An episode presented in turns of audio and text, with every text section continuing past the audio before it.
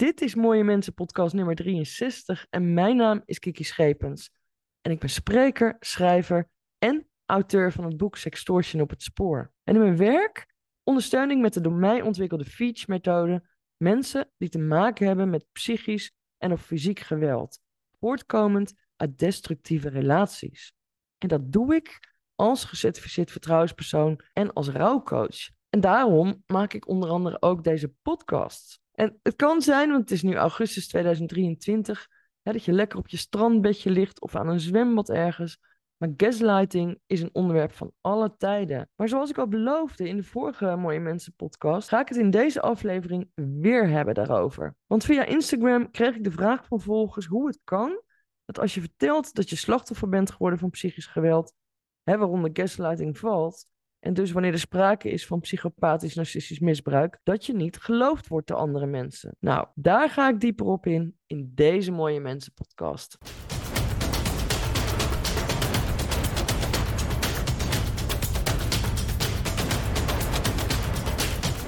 Ik heb beloofd die vraag te beantwoorden, want gaslighters kunnen zich voordoen alsof ze geweldig zijn. En voor het gemak gebruik ik even het woord hij als ik het over een gaslighter heb, maar dat kan natuurlijk ook een zij zijn. Want gaslighting is een ernstige vorm van geestelijke manipulatie, waarbij een slachtoffer in verwarring wordt gebracht. Zodanig dat die persoon gaat twijfelen aan het eigen denkvermogen. De term die is vooral bekend geworden door de film Gaslight uit 1944 met uh, Ingrid Bergman en Joseph Cotton. Nou, dat is een oude zwart-wit film van regisseur George Cuyton. Maar wat ik het mooie daaraan vind, is dat destijds heel goed in beeld is gebracht om te laten zien hoe een destructief persoon te werk gaat. Ik weet niet of je de film kent, maar daarin wordt een vrouw letterlijk tot wanhoop gedreven door haar man. Het is zo, zij betrekken een nieuw huis en wat zij niet weet, is dat hij ook toegang heeft tot het huis naast hen. Nou, dat is op zich al opmerkelijk natuurlijk, dat een echtgenoot zo'n geheim met zich meedraagt voor zijn echtgenote.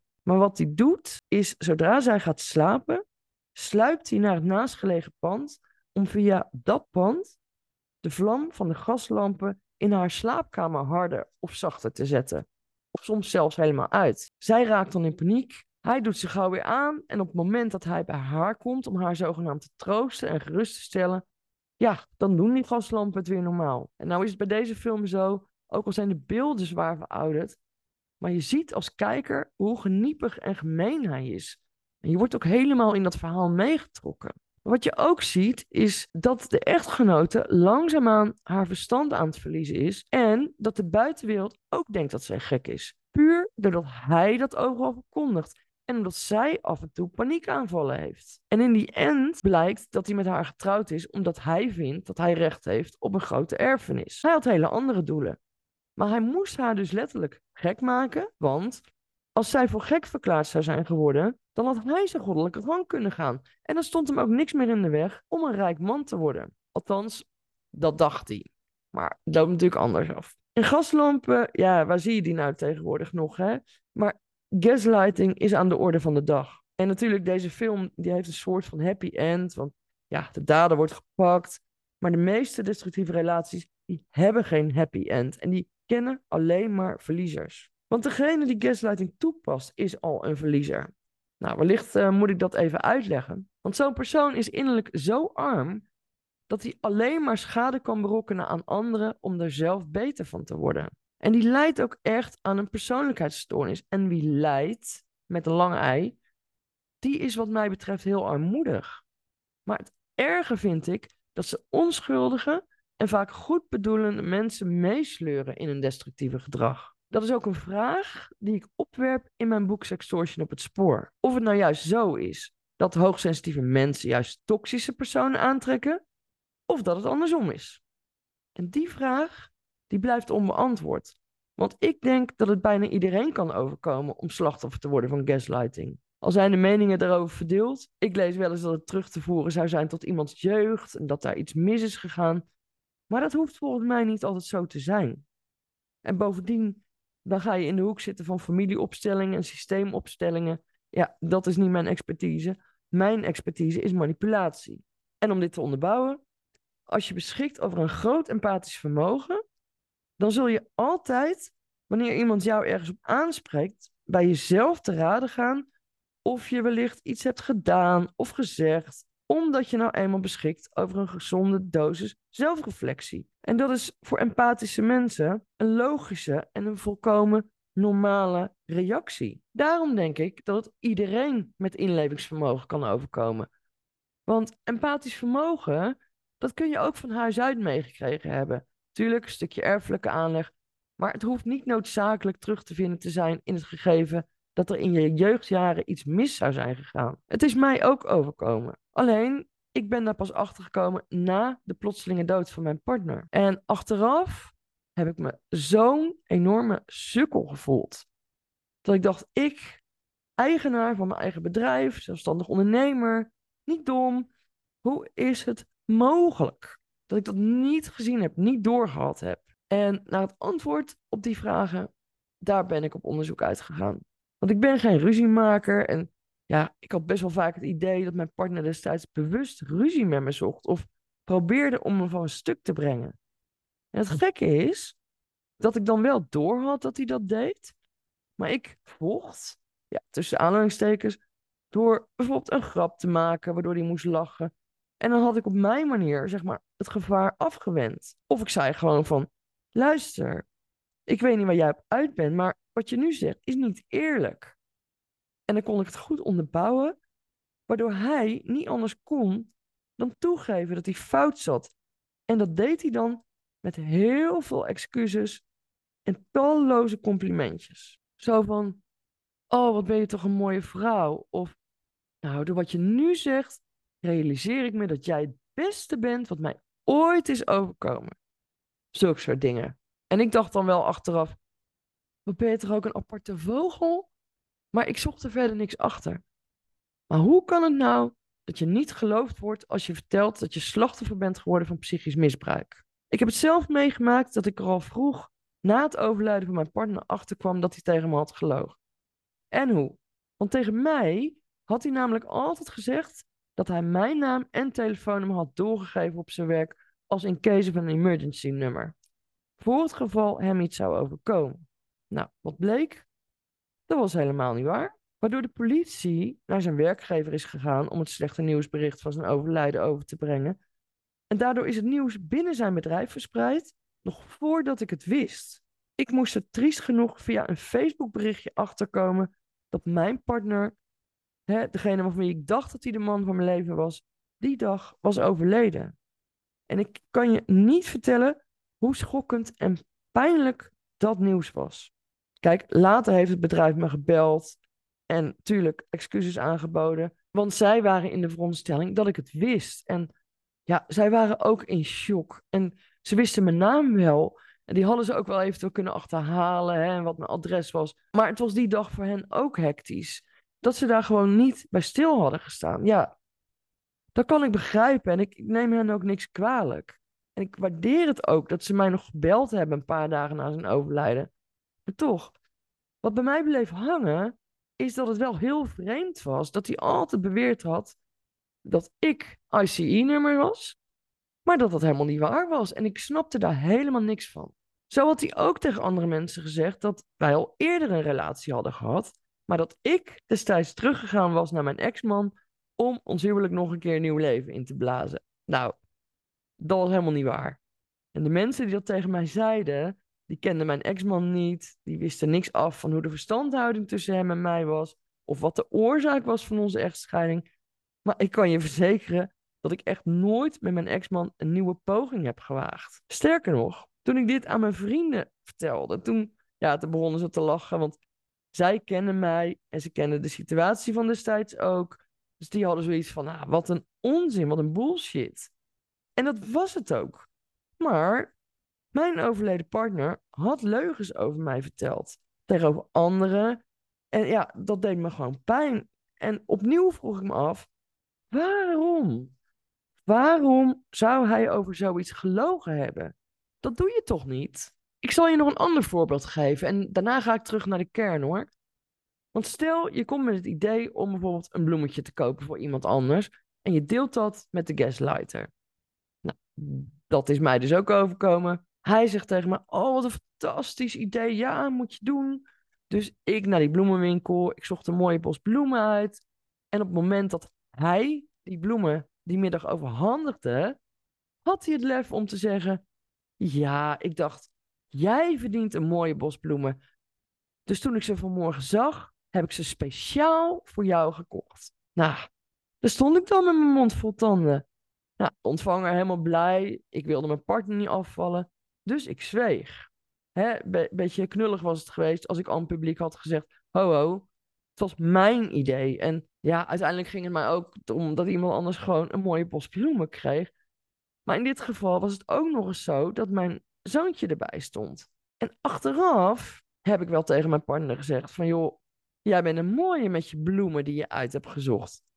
En eerst zei hij: Hoe bedoel je? Ik zeg: Ik bedoel, jij hebt de bloemen uitgezocht? Vraagteken, vraagteken. Waarop hij zei: Ach, schatje, je moet niet op alle slakken zout leggen. Ze zijn toch van ons samen? Nou, ik was best wel mondig, dus ik zeg: Joh, als ze van ons samen zijn, mag ik dan bij jou de helft van de rekening indienen voor die bloemen? Waarop hij zei: Weet je wat? Ik betaal de volgende keer als we voor iemand bloemen kopen en dan regelen we het zo. Maar ja, die volgende keer is nooit gekomen, want ik was altijd degene die een aardigheidje meenam voor anderen. Maar op dat moment maakte het me niet uit hè, dat hij nergens aan meebetaalde. Want ik dacht altijd, als ik alleen bij deze mensen op bezoek zou zijn gegaan, had ik uit mezelf ook wat meegenomen. Maar zo sluipt dus wel het misbruik erin. Want toen ik later in onze relatie aangaf dat ik geen geldboom in mijn tuin had staan, moest ik soms maanden vragen of hij eindelijk eens een keer wat terug wilde betalen. En ik kreeg het dan meestal wel, maar ik kreeg ook altijd te horen van, ja, je weet toch dat ik het niet heb?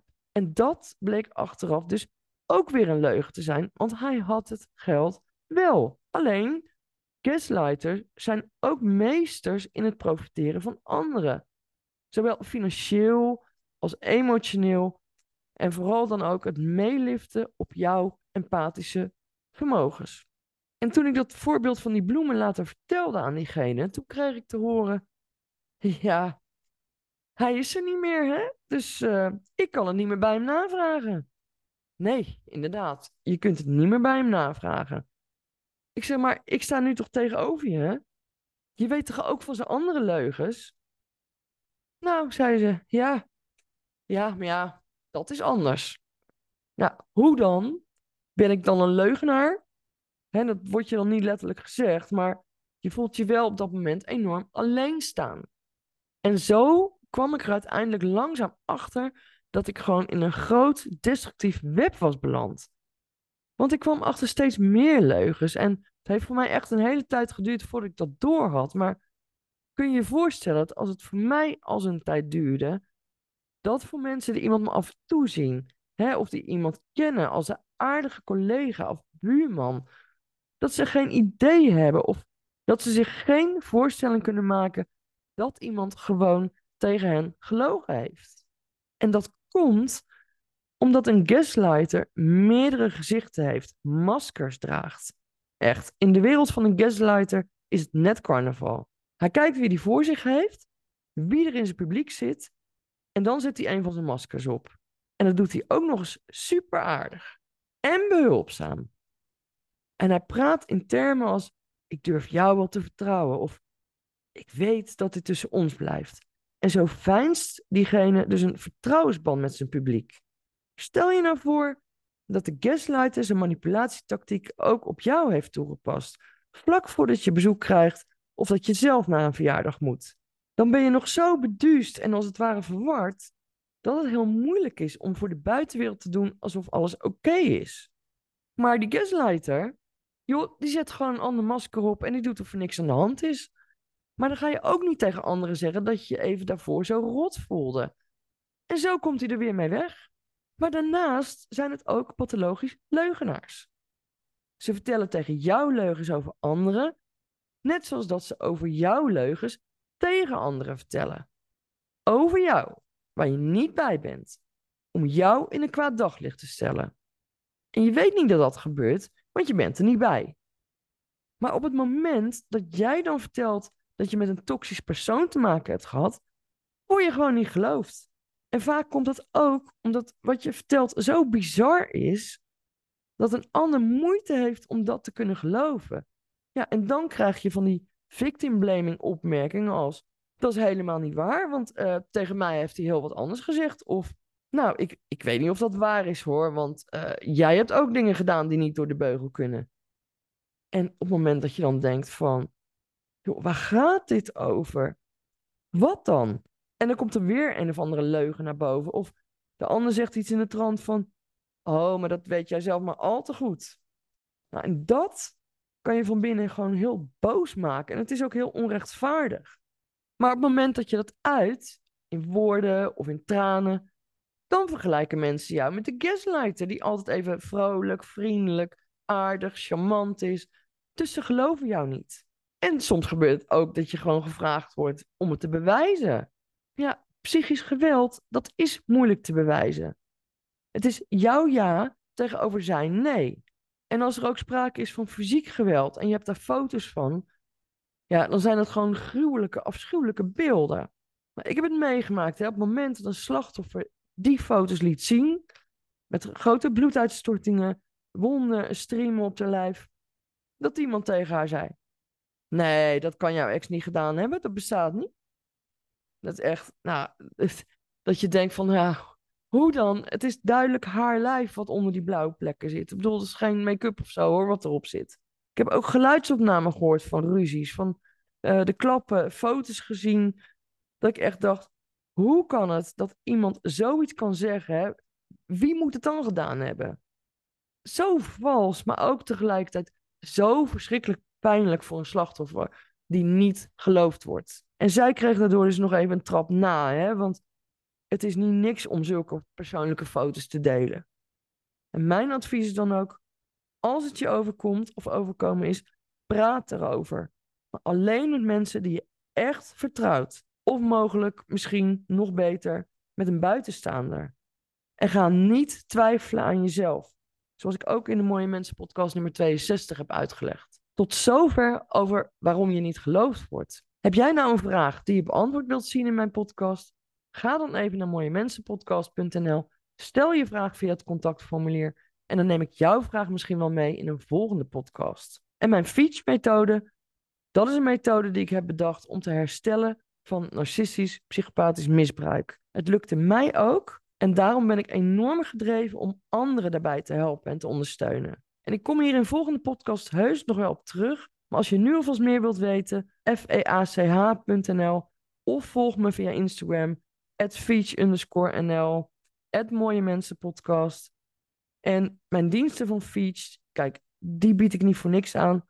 Maar ik deel wel heel veel dingen gratis via mijn Mooie Mensen podcast. Maar ook via mijn website kikischepers.nl en vooral dus via die Instagram accounts. Op mooiemensenpodcast.nl is de mogelijkheid aanwezig om een kleine donatie te doen. en voel je nooit verplicht. Maar als je waardeert wat ik maak en wat ik de eten in strooi, doe dan een donatie, ook al is maar een eurotje. Want daarmee steun je mijn missie om anderen te helpen. En als je een keer te gast wilt zijn in mijn podcast of een podcast wil sponsoren, dan is dat ook mogelijk. Maar daarover vind je alles via het contactformulier op mooiemensenpodcast.nl. Als je wilt. Laat even je reactie achter op deze podcast. Geef even een like. En laten we ons samen sterk maken in de strijd tegen manipulatie. En in Mooie Mensen podcast nummer 64 ga ik het hebben over wat je moet doen als je niet gelooft wordt door andere mensen. Dus ik zou zeggen, dankjewel voor het luisteren. Ik hoop dat je er wat aan gehad hebt. En als je op de hoogte wilt blijven, abonneer je even op mijn podcast, zodat je nooit meer iets hoeft te missen.